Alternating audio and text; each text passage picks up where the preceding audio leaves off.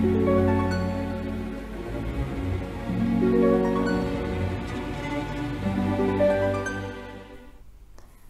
saya dengan Madam Aza. Untuk para Gemini kesayangan, yang pertama dibacakan adalah karir ya. Untuk karir, kartu yang dikeluarkan adalah The Hermit. The Hermit ini menunjukkan orang yang bijaksana, dia berpengetahuan, berwawasan.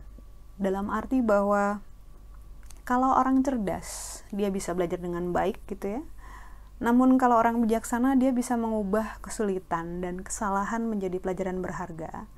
Bisa memanfaatkan apa pun yang sedang terjadi bahkan di masa yang sulit buat banyak orang lain. Kartu The Hermit menunjukkan bahwa kamu akan survive apa pun yang sedang kamu alami, jadi jangan patah semangat karena ya sudah pernah juga kan ada di posisi ini sebelumnya. Lebih menghargai usaha diri sendiri aja. Sejauh ini sudah bagus kok yang kamu lakukan. Untuk percintaan,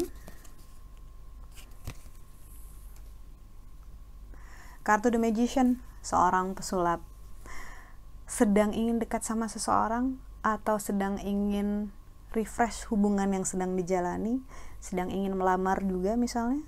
Silahkan karena kartu The Magician ini menunjukkan afirmasi bahwa you have that magic in you ini saatnya semesta bekerja sama dengan dirimu untuk mengupayakan apa pun yang kamu inginkan.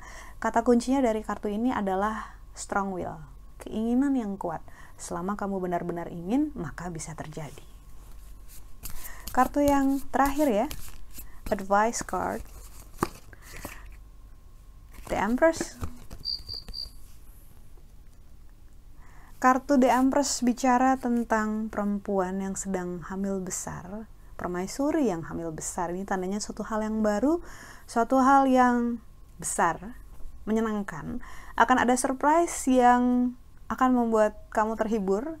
Jadi optimis terus dengan usaha dan kerja kerasmu. Jangan lupa juga untuk berdoa dan memproyeksikan ataupun menggambarkan membayangkan apa yang kamu inginkan agar semakin mudah mencapainya.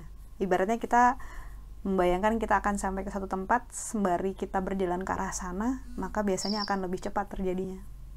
Jangan lupa untuk subscribe, like, dan share agar ke depannya lebih mudah untuk mengikuti pembacaan dari Madam Aza. thank you